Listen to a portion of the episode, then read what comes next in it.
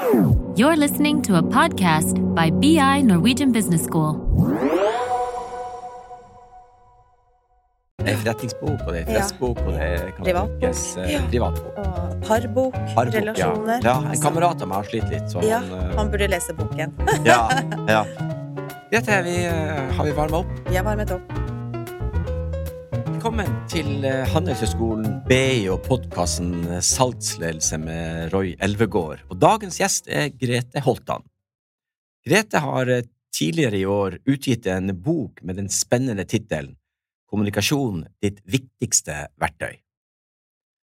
Grete eh, driver sin egen virksomhet, hvor hun blant annet jobber som coach, hun holder foredrag, gjennomfører kurs, og sikkert en god del andre ting eh, også. Grete, hjertelig velkommen. Tusen takk. Hyggelig at du kunne ta deg tid til, til å komme hit i studio en sånn eh, mandag morgen. Ja, Smakte kaffen i dag? fantastisk. Ja. Utrolig god. Ja. Mandag morgen. Mandag morning blues. ja. Grete, gratulerer med utgivelsen av ny bok.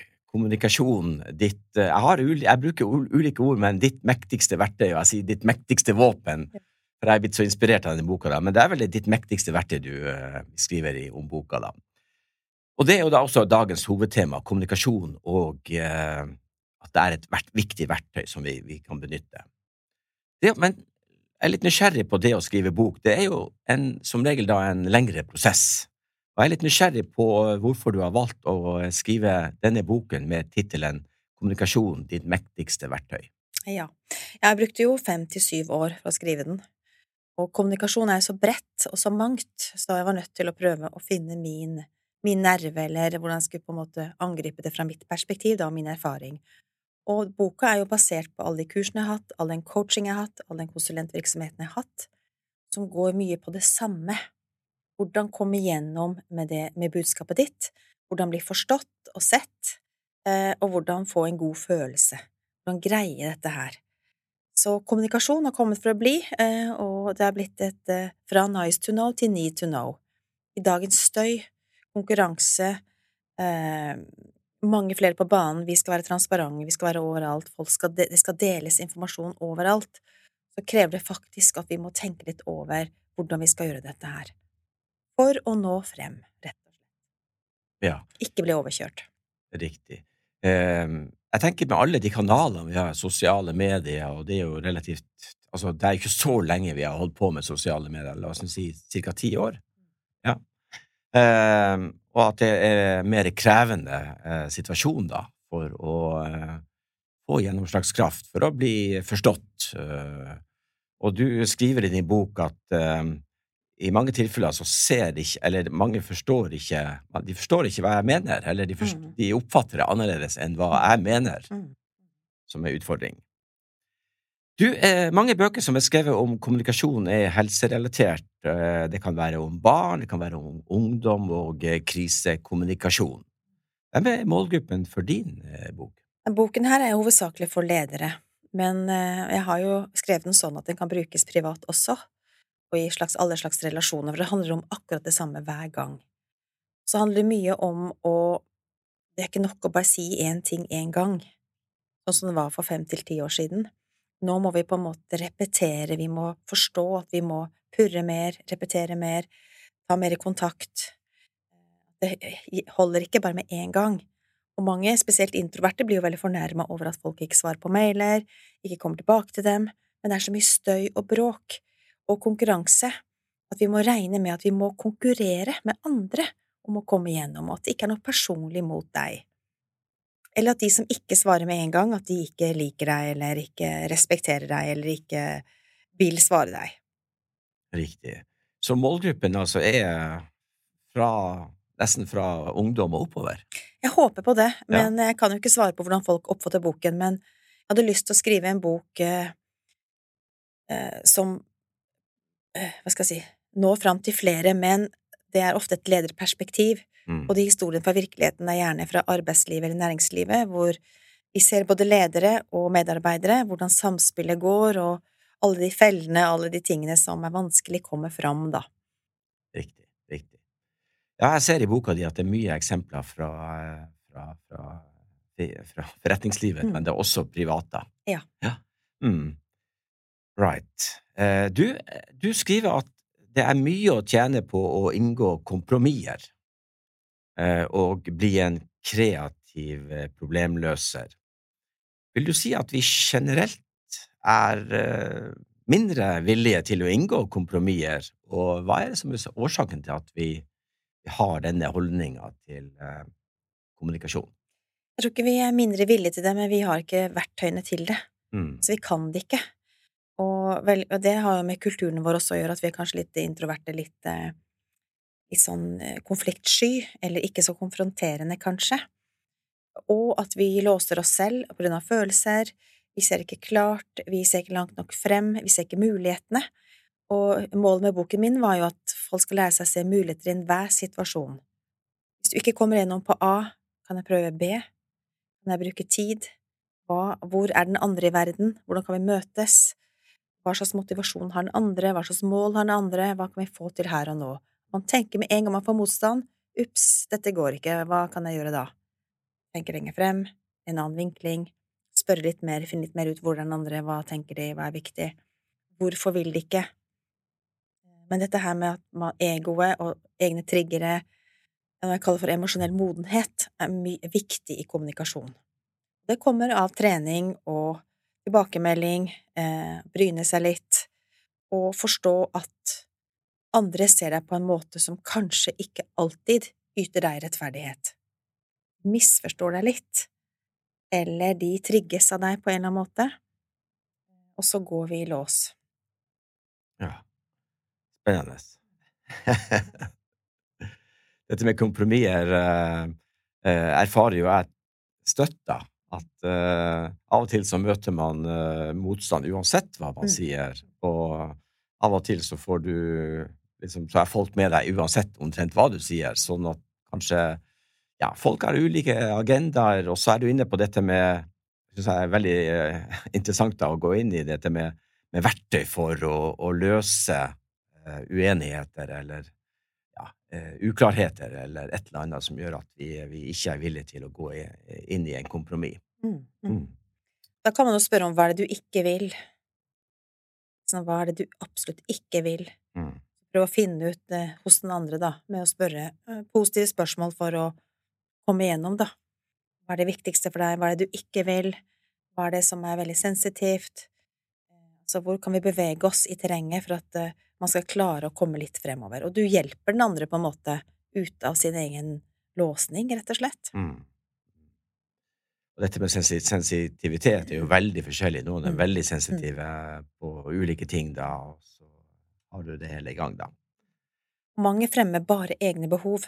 Mm. Det bare smeller opp i dem hva de vil, hva de skal ha, hva de vil oppnå. De greier ikke å tenke på at det er noe å hente på vinn-vinn, eller få flere med seg, eller at de kan oppnå mer hvis de bare tilpasser seg litt, da. Mm. Eller tenker fremover, bruker tid, ikke alt på en gang. Så det er mye sånn mi, mi, mi, mi, hvis du greier å, å få det bort, da. Men det kan være ubevisste triggere, at du ikke er klar over det. Så navlebeskuelse er en utfordring. Navlebeskuelse, du blir provosert, eh, du blir eh, ikke redd, men du blir liksom det skal i hvert fall ikke skje, eller det der liker jeg ikke, eller det her går ikke bra, og de kan misforstå din agenda eller mål, da, og tro at du skal pushe dem eller presse, eller at de må på en måte kjempe tilbake istedenfor å på en måte inngå et samarbeid. Det blir en slags krig om å få slå ned poengene til den andre og få rett, da, eller ja, forsvare seg. Mange forsvarer seg egentlig uten å vite at de gjør det. Ja. ja. Mm. Vi går videre. Det, Ja. det, er bare, det er mange spørsmål som Ja. kunne hengt seg på den der, men vi kommer antagelig innom noe av det etter hvert. da. Eh, kommunikasjon og tidspress. Eh, tidspress, forventninger, krav, så nye krav antagelig, som vi ikke har fått tidligere.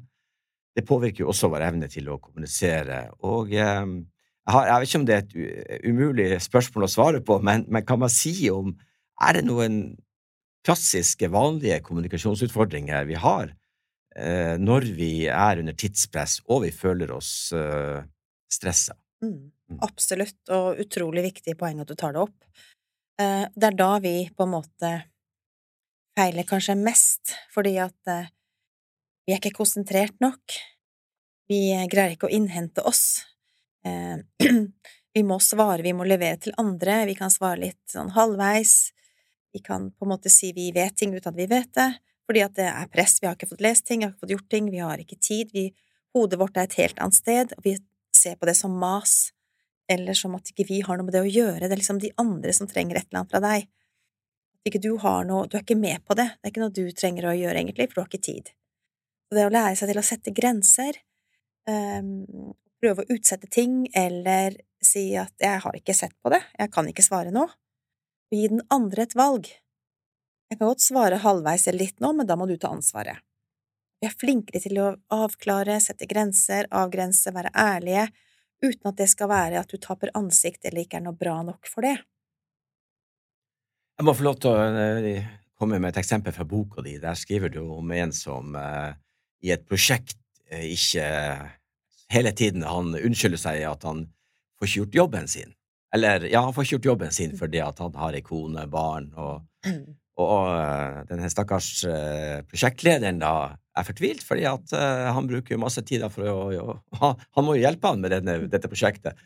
Men en prosjektleder kan ikke jobbe for alle sammen hvis det er syv-åtte stykker. Så til slutt da, så får han en, eh, den ideen fra, fra deg, da, som coach, at han, eh, at han, da eh, stiller han ansvarlig da, for dette. Og eh, får faktisk løst dette, denne utfordringa, da, at hans tidspress som prosjektleder eh, Han kan ikke ta alt ansvaret som andre ikke gjør, som, som egentlig skal. Så så eh, det er jo en, en, en veldig god Altså så griper det an på riktig måte, da. Mm. Uh, mm. Det handler jo om ansvar, for det første. Hva er ditt ansvar, hva er det andres ansvar? Og når du har gjort alt du kan, du begynner å tære på deg, din jobb og det, ditt overskudd og hva skal jeg si, du kan bli utbrent av, av mindre, så må man bare ta tak i det igjen og se hva er mitt ansvar, hva er ikke mitt ansvar, jeg har gjort alt jeg kan, hva skal da, hva kan jeg si da, hva kan jeg gjøre? Jo, La oss kalle det for å skjære deg ut. Du skal sette grenser overfor andre, kan du ikke bestemme over andre eller tvinge dem, men du kan skjære deg selv ut. Nå skjærer jeg meg ut. Jeg sier skjære, for det er tungt og vanskelig og vanskelig å se klart. Mm, mm. Hvem har ansvaret for hva, og hva er det meg det er noe galt med, eller hvorfor skjer dette her, er det noe med meg, eller hva det nå er. Og du må skjære deg ut, og så må du være tydelig til den andre at, eh, sånn som i denne situasjonen, da, at eh, jeg kan ikke gjøre noe mer, eh, jeg må levere fra meg prosjektet, og jeg kommer til å skrive ikke har levert, eller ikke levert på deg. Mm. Nå vet du det, mm. og nå får du tid til å levere innen tidsfristen, og, og beklager, men jeg kan ikke gjøre noe mer, jeg må passe på meg selv.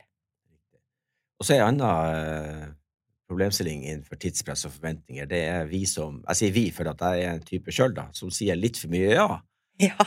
Og så glipper det mm. innimellom at mm. man ikke rekker å få levert. Er det også klassisk, eller er jeg litt, veldig, Nei, er veldig klassisk. Og det går jo ofte på personlighet, at man mm. er impulsiv, positiv, eh, tidsoptimist, har lyst til, kan mye, har lyst til å hjelpe, mm. og bli engasjert. Mm. Eh, så da du kan lære deg til å si da at eh, å, så interessant og så bra, ikke love noe. Mm. Og, og heller la den andre komme til deg eller bare dele engasjementet. Mm, mm. Dette var kjempegøy, og dette brenner jeg også for, eller bare pass på ikke lov.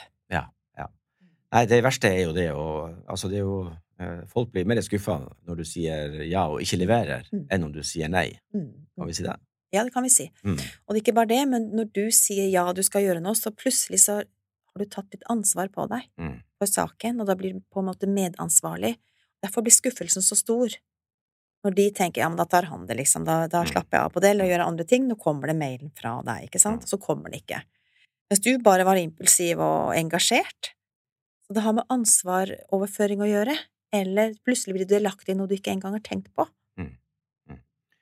Og så en annen ting, eh, dette med, med, tid, da. Eh, vi ser vel litt forskjellig på tid. Noen av oss eh, tenker at de kan få gjort mye på kort tid, og noen tenker at nei, eh, dette trenger jeg en hel dag på, som noen tenker at dette bruker jeg en halvtime på. Mm. Og vi er jo også litt forskjellige kanskje som, i forhold til, til kunnskap og, og, og, erfaring gjør jo også at man ser forskjellig på dette tidsperspektivet. da. Mm. Så en leder kanskje, tenker jeg, ofte kan gi en arbeider for mye, som følge av at vedkommende har mye erfaring og kompetanse, og så ser han ikke da begrensninger på det ansatte. Mm. Absolutt, og det er også perspektiv til en leder. De skal ha masse igjennom, og de skal kjøre på, de. Mm. Eh, Det man ikke tenker på, er jo at medarbeideren også har et ansvar, dessverre i dag, og det er ikke uttalt, ikke snakket nok om, ikke avklart nok, til å sette grenser. Ikke bare sette grenser, men også avklare forventningene. Du får beskjed fredag kveld at eh, du, jeg må ha en presentasjon til mandag morgen, eller til i morgen tidlig, klokka åtte. Så tenker du å nei, da må jeg sitte hele kvelden og lage masse kakestykker og søyler hit og dit og en svær presentasjon. Ofte går man bredt på den, fordi man tenker at ja, det er det han eller hun skal ha. Men da må man heller spørre hva skal du bruke det til, hva er det du trenger, er det nok at du får en markedsandel, et tall? Så kanskje ja, da tok det tre minutter. Så det at vi må alle på en måte tenke at i dette her informasjonsstøyet og alt det som skjer, så må vi tenke at vi har ansvaret selv for å avklare forventninger, bli enige om hva som skal gjøres, når det skal gjøres, og så sette grenser. Jeg kan gjøre det sånn, men ikke sånn. Jeg kan levere det da, men ikke da. Du kan få råmateriale, så må du selv lage noen kakestykker eller eh, visualisere det på en måte, eller så blir det, får du det tirsdag morgen. Mm. Mm. Men igjen, da er du ærlig, og da får lederen et valg. Det betyr ikke at lederen har tenkt å presse deg eller tvinge deg til å jobbe overtid, det er ikke det jeg snakker om, men lederen tenker fra sitt perspektiv, hva vedkommende trenger. Så er du fagpersonen eller kontaktpersonen. Så eh, summa summarum, så eh, ja og nei er to viktige ord. Absolutt. og dette med tydelighet, og Mm. altså samtidig kommunisere tilstrekkelig hvorfor man sier nei, da. Ja. Eh, For det er vel også en, en del av greia, at man ikke blir sett på som negativ person hver gang man spør om noe. Ja, ikke sant? Mm. Og, og det her med ansvar igjen. Mm. Hvis du er fagpart En leder har ikke den dybdekompetansen som disse fagansvarlige har. Nei.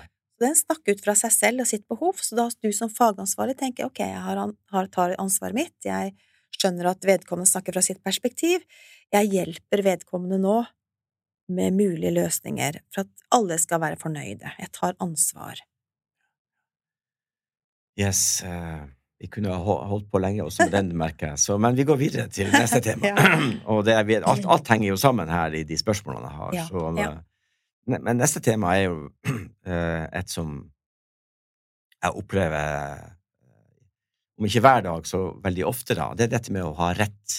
Mm. Dette med å vinne en samtale. Dette med å ha behovet for å vinne en samtale, bevisst eller ubevisst. Jeg er litt usikker på om folk vet det sjøl, da. Mm. Men at det er bare en, en, eh, en rutine, en, en vane eller en uvane, eh, kall det hva man vil. Eh, Dette med å ha, alltid ha rett, dette med å vinne en samtale, whatsoever det skulle være, da.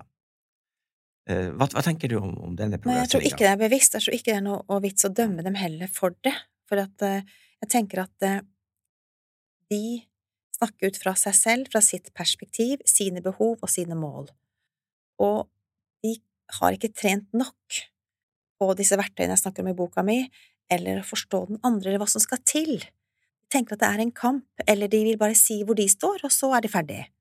Det er da, da, da, da, da vi begynner, egentlig. Så, så det går liksom på at de har ikke verktøyene, de, og det er ikke det at de er så egoistiske heller. Jeg tror det er bare det å formidle sitt perspektiv, og hva som er viktig for dem, og så tenker de at da plukker vel du opp resten og fikser det. Tenker de har ikke noe verktøy for å komme videre derfra. Nei. De har ikke noen bakgrunn eller kultur eller erfaring, kompetanse til å, til å vise empati eh, eller interesse for den andre. Jeg tror de tenker at det er ditt problem eller ditt ansvar. Mm. De skal snakke fra seg selv, ut fra seg selv, hva som er viktig for dem, og så må du gjøre din jobb. Mm. Så skjønner de ikke at det kommer ut veldig hardt eller veldig sånn må ha rett. Mm. Det er bare deres mening. Ja. De, de, som de pleier å si, vi er bare ærlige. Og så er man, eh, oppfatter man kanskje seg sjøl som rasjonell og fornuftig. Ja. Mm. Og da er det jo en god grunn til å si ifra at man ikke er enig. Eh, ja, og så er det det å få formidlet det man egentlig mener er, er tungt for mange. Mm. Og tørre å si det, være så tydelig, eh, være så ærlig.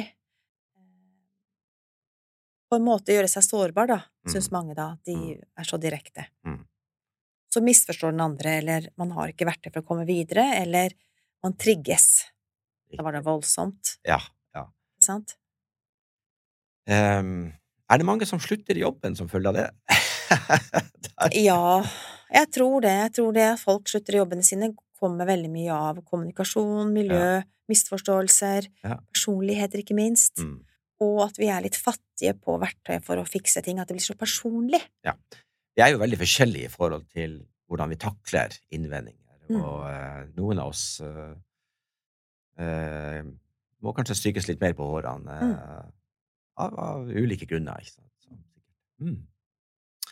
Ja, oppfølgingsspørsmål på det her er da dette med å ta plass. Og så Man kommer jo i møter privat og i jobb, da, hvor man da treffer personer som kanskje tar 80% av tida eh, La oss si en sånn eh, hyggelig fredagskveld, da.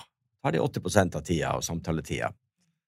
Eh, hvordan skal man gripe an noe sånt? Ja, godt spørsmål. Det er jo veldig vanlig, dette her. Og jeg har jo hatt mange sånne på kurs, og jeg spør dem gang på gang hvorfor snakker du så mye? Mm, du gjør det, altså? Ja, jeg gjør det rett ut, for at vi jobber jo ganske dypt, da. Og, og da svarer de veldig ofte jeg tar ansvar. Når det blir pinlig stille, altså et halvt, et åttendels sekund, så snakker jeg. Fordi at det er, så pinlig, det er så kleint, det er så vanskelig, og da går jeg inn og tar ansvar. Folk, de andre sier jo ingenting. Så det går veldig mye på fart. Så går det på eh, Når man snakker mye, så er man kanskje litt usikker på de andre, på situasjonen. Man kjenner ikke folk, man har lyst til å presentere seg selv på en god måte. Man blir litt nervøs. Eh, og noen er jo historiefortellere av natur. Altså, de kan ikke konversere eller dialog. De forteller historier som de ler mest av selv, og så tenker de at de underholder, eller at de er veldig hyggelige, positive, da, mot andre. Eh, og hvis de møter noen som er helt lik, så er det jo masse historier som går frem og tilbake, og man ler og har det fint. Eller man møter en som er lik, som også stuper inn i samtalen og, bare overdøver den andre og tar plass. Mm. Så ler man og er veldig på, på nett. Så det går mye på personlighet. Problemet eller utfordringen er hvis man møter noen som ikke er sånn, man er forskjellig.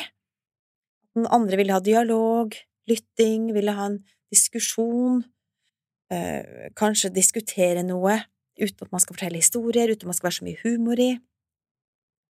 Så blir det liksom uvant for den andre, liksom, hva er det de prater om, og hva er det de forventer, og det er kjedelig, og, og så videre.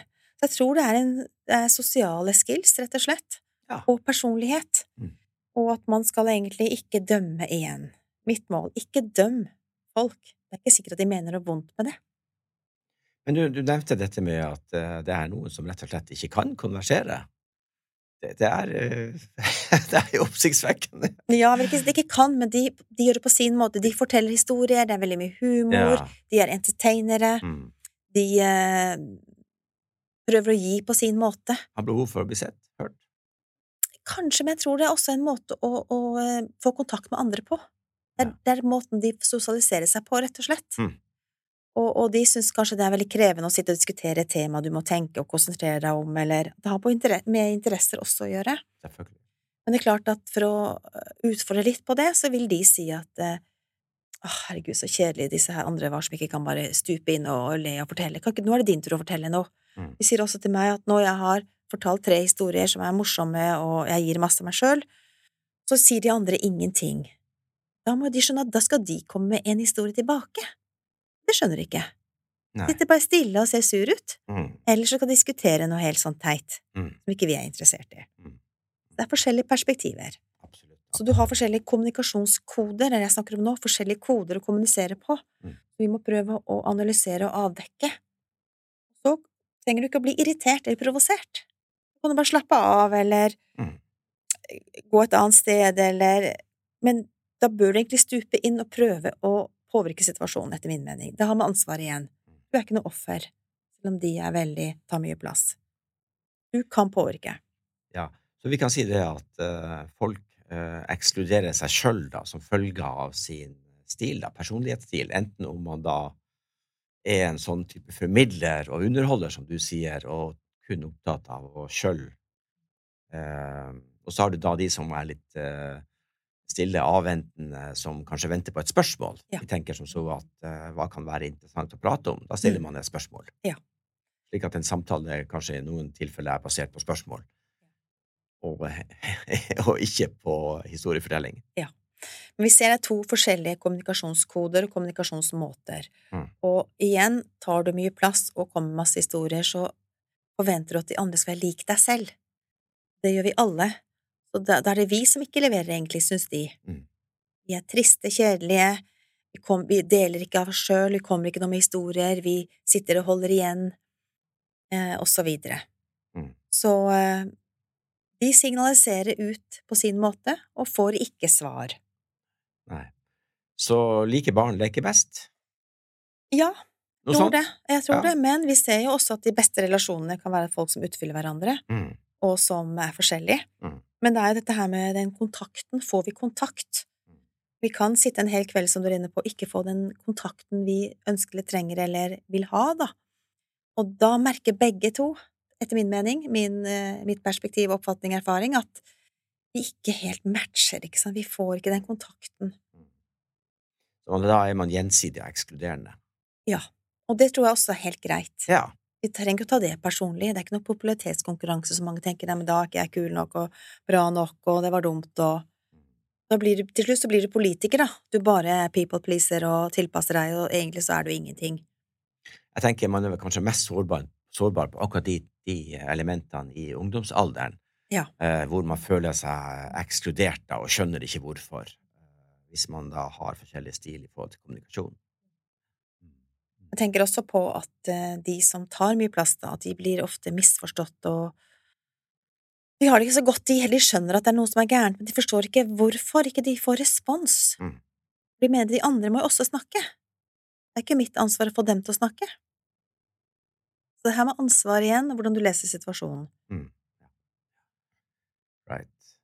Eh, ja, eh, jeg går videre Ja. På, på, på Ble veldig engasjert på det. Ja, det er også Hadde noen oppfølgingsspørsmål, men det vi, eh, vi, vi går videre. Vi er jo innenfor, innenfor kommunikasjon uansett, så Men jeg er litt nysgjerrig på om du har noe erfaring med om det er noen grupper i samfunnet som skiller seg ut som spesielt gode kommunikatorer. Og eh, er det noen spesiell årsak til at disse gruppene er spesielt gode? Eh, opplagt er jo politikere som er mm. dyktige til å kommunisere, på, på godt og vondt. da. Man kan si at de er ikke dyktige også. Mm. Uh, men, men ja, Ja, det er de som har trent mest. De som har trent mest. Ja. eller fått mest utfordring. Ja. Uh, og som har fått masse tilbakemeldinger på seg sjøl, som uh, har greid å analysere situasjonen, disse elementene som er skjult ofte i en situasjon, som ikke blir sagt eller uttalt, eller man får ikke vite om det. Det ligger skjulte agendaer, ligger ting du ikke vet, ikke kommer til å få vite, eh, ting som har skjedd før, eh, triggere. Alt dette her gjør at vi er i en jungel og skjønner ikke helt hva som skjer, og så er det så lett å ta det personlig. Det handler ofte om en analyse av flere ting, spesielt det vi ikke vet, da, som ofte kommer fram etterpå. Å, var det derfor? Var det noen andre som skulle ha jobben min? Var det endringer? Var det en ny strategi som ikke ingen visste om? Var det en organisasjonsendring på gang? Skulle arbeidsinnholdet endres? Skulle vi dele oppgavene på en ny måte? Etc. Ja, det er, det er mange elementer Mm. som kan påvirke her. Eh, men eh, jeg tenker dette med grupper i samfunnet som kommuniserer mye Nå er jo jeg jobber jo, jeg er lærer, jeg er lærer, men det blir ofte monologer. Altså, Vi står og doserer og forteller. Eh, Så jeg vil ikke påstå at vi er så dyktige kommunikatorer, eh, eller samtalepartnere, for den saks skyld. Så det spørs jo hvilket hva man ser som kommunikasjon, da. Det, ser du på en som formidler, som en eh, god kommunikasjon? Altså at det er forskjellige typer av kategorier, Mm. eh, hvor man kan si at man er ok, jeg er dyktig å formidle, men jeg er ikke nødvendigvis dyktig å konversere. Jeg tror det går mye på interesse. Interesse. Ja, fordi at vi ser at eh, noen sier til meg jeg trenger ikke noe kommunikasjonskurs, jeg kan kommunisere, det er ikke noe problem. Og, så du kan si de som er flinkest til å kommunisere, er de som er mest interessert. Ja. De som er kanskje ikke fullt så flink, eh, ikke er noe særlig interessert i det, så de blir ikke bedre heller. De bare Mm. lever med at alle de andre er tullinger, eller Ja. Så, så du, det har med interesse å gjøre, og selvfølgelig, jeg tror det er mye med å være analytisk å gjøre. Så er det det om du er, om du er en menneskeperson. Du syns det er interessant med andre folk, hvordan de reagerer og opplever ting, og eller om du er mer oppgaveorientert, eller mer teknisk orientert, at du ikke får noe igjen for å snakke med så mye mennesker, egentlig. Ja. ja. Um, så det er mange elementer, tror jeg. Mm. Riktig. Riktig.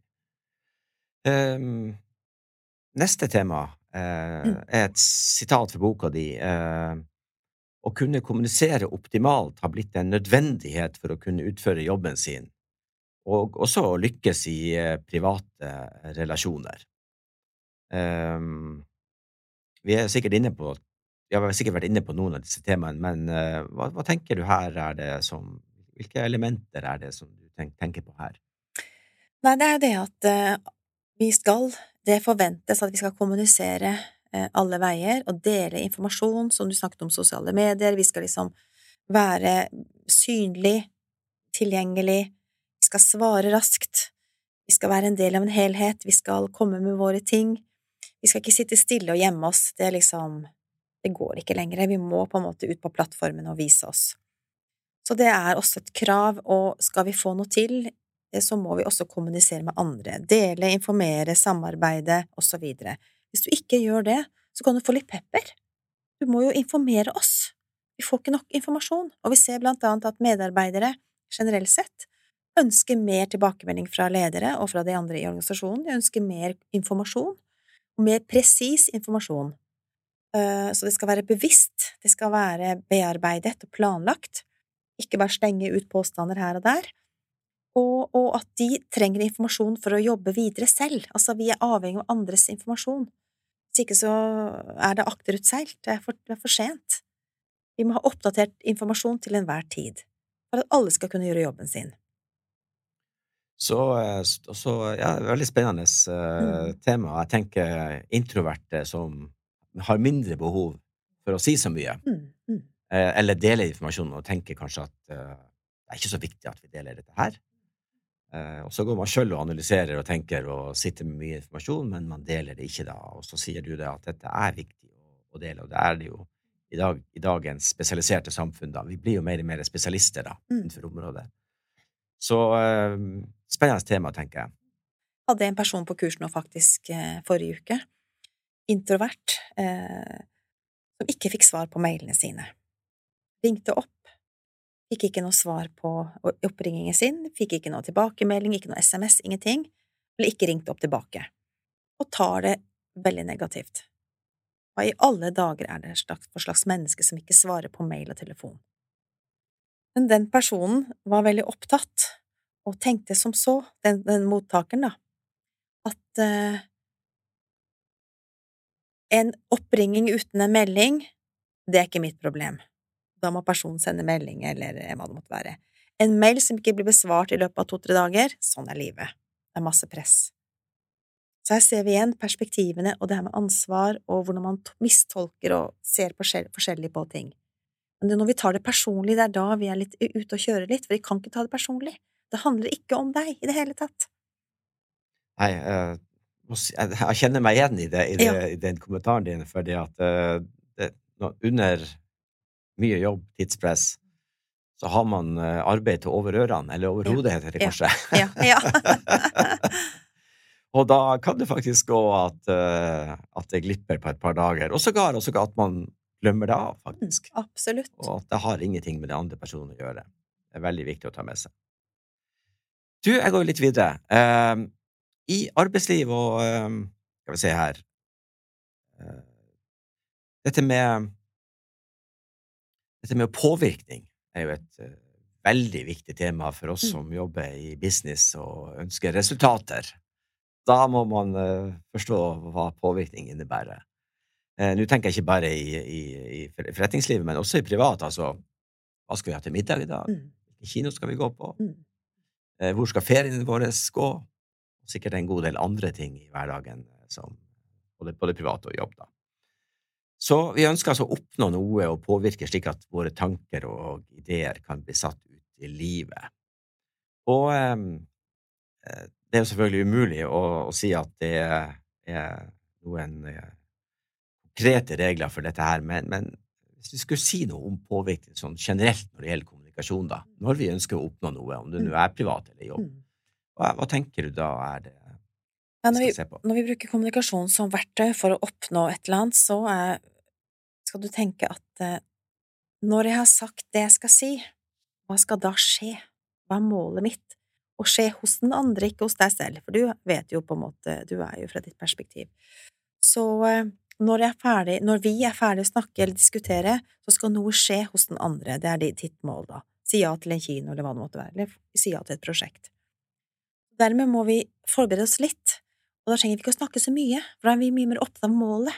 Da må vi, det mye mer opptatt av den andre mottakeren, diskutere, når kan vi gjøre det, når passer det for deg, hvilken film vil du se, jeg kunne tenke meg å sett den, men det trenger ikke være akkurat den, men noe i samme sjanger, eller kan vi se, kan vi se den også?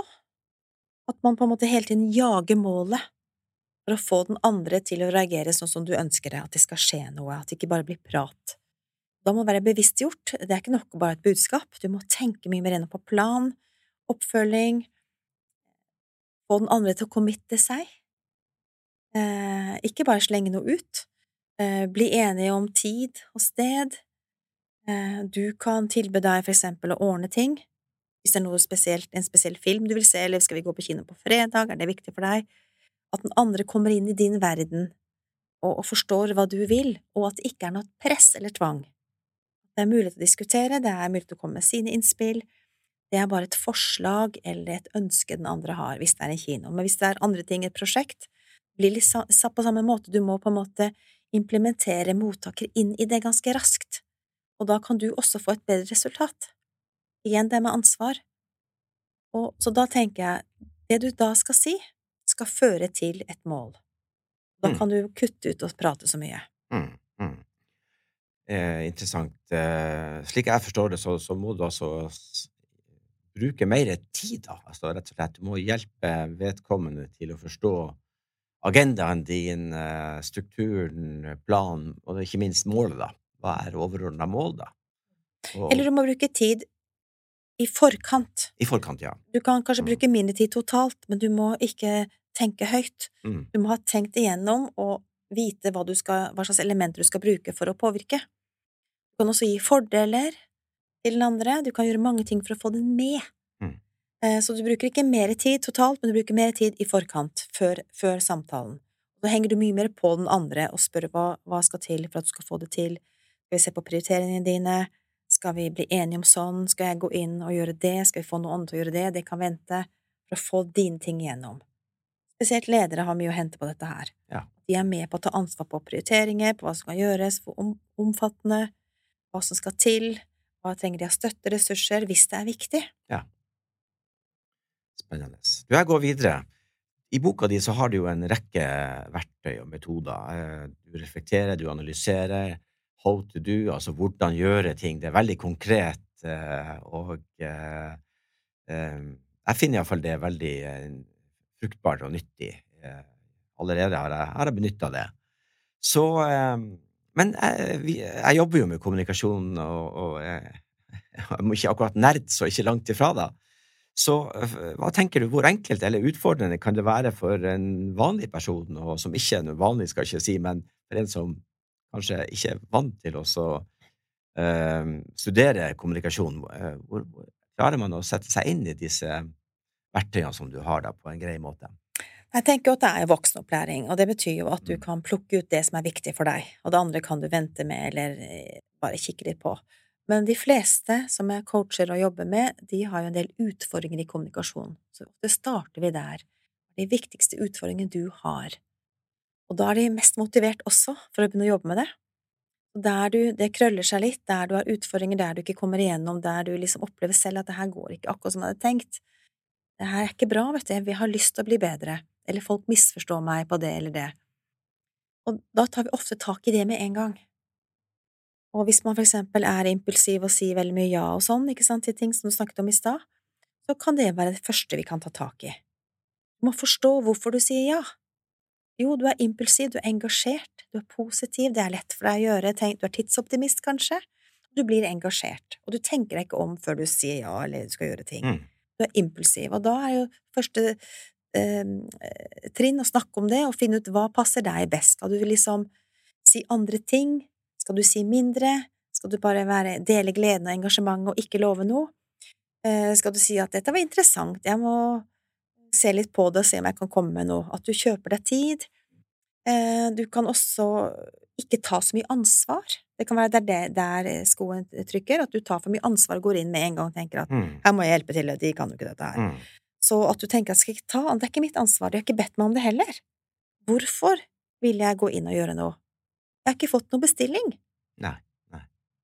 Så, men, men eh, forstår jeg det riktig, da, at uh, boka kan brukes på en opp, som et slags oppslagsverk, så, så hvis du ønsker å bli flink på, på tilbakemeldinger forhold til dette å benytte de verktøyene som er der, da, Mm. så kan du hoppe inn der uh, uh, uten å lese alt som er før. Ja. Det er oppslagsverk, og det er kapitler, og det er også historier, også veldig sånne lister på hva du kan gjøre Ja. hvis, du ikke har, hvis du ikke har tid til å lese alt, Mm. og eller ikke er interessert i alt. Og det er bare tips, det er ikke noe fasitsvar på kommunikasjon. Det er jo personlig situasjon, mange ting, og valg, ikke minst. Men jeg håper at det kan inspirere og motivere til tips. Mm. Og det bringer meg over til mitt siste spørsmål til, eh, til deg i dag, og det er da at uh, de temaene du har i, i, i verktøykassa di, er jo veldig spennende. Det er for eksempel kroppsspråk. Ja. Uh, og en betydelig del av Og det henger jo også sammen med det vi har, en god del av det vi har vært innom. Du har kroppsspråk, du har et kapittel om grensesetting, som du har vært inne på. Uh, vi har ikke snakka så mye om tilbakemelding, men vi har vært inne på det. Uh, og så har du et veldig spennende nok et spennende kapittel som heter emosjonelle triggere. Ja. Følelser av hvordan vi reagerer da. Og det er jo eh, alltid interessant. Eh, gjennomslagskraft, påvirkningskraft, og også dette med indre dialog. Indre dialog er jo en viktig del av kommunikasjon for, eh, for mange, vil jeg tenke. Så eh, med disse temaene eller andre temaer, vil du avrunde vår podkast med tanker og ideer som du brenner for eh, når det gjelder da kommunikasjon, som eh, ditt eh, mektigste våpen eller viktigste verktøy? Ja, Nei, jeg tenker det at vi tar ting så personlig, at det er stor, et stort hinder for oss alle. Jeg tror det er noe galt med oss, eller at de ikke liker oss, eller vi er ikke bra nok, eller hva det måtte være du måtte tenke. Og det handler faktisk ikke om deg i det hele tatt. Det handler om tusen andre ting. Da må du løfte blikket og kikke opp og tenke hvorfor i alle dager skjer dette her? Hva kan jeg gjøre? Hva er mulighetene mine? Og er det ikke noen muligheter, så, så går du vekk, da, eller venter litt, eller tar en pause eller stiller åpne spørsmål. Eller så er det dette her med ofte å sove på det og analysere litt og kjenne litt på det. Og, og tenke at eh, har jeg gjort alt jeg kunnet? Ja. Da må du gi slipp, da. Vi kan ikke ville, vinne alle kampene eller komme igjennom på det meste, men vi kan sette oss mål og prøve å oppnå en del av det, og prøve å lære av situasjonen og den tilbakemeldingen vi får, og prøve å lese den andre mer enn tenke på hva du sjøl skal si. Ja, Det var en fantastisk oppsummering, må jeg si. Men det jeg sitter igjen med nå, det er at vi skal ikke la ting eh, gå for mye inn på oss. Ja. Og så syns jeg det var et utmerket godt forslag. Eh, senk skuldrene, og sov på det. Mm. Når du våkner til en ny dag, og så har du fisket klare tanker på morgenen, så er det antagelig lettere å gå en ny runde med problemstillinga vi hadde i går. Vi er så følelsesstyrte, vet du. Mm. Vi er ikke klar over det. Grete, tida har gått utrolig fort. Så hjertelig takk for at du hadde tid til å eh, komme hit. Og eh, lykke til med kommunikasjonen videre. Tusen takk.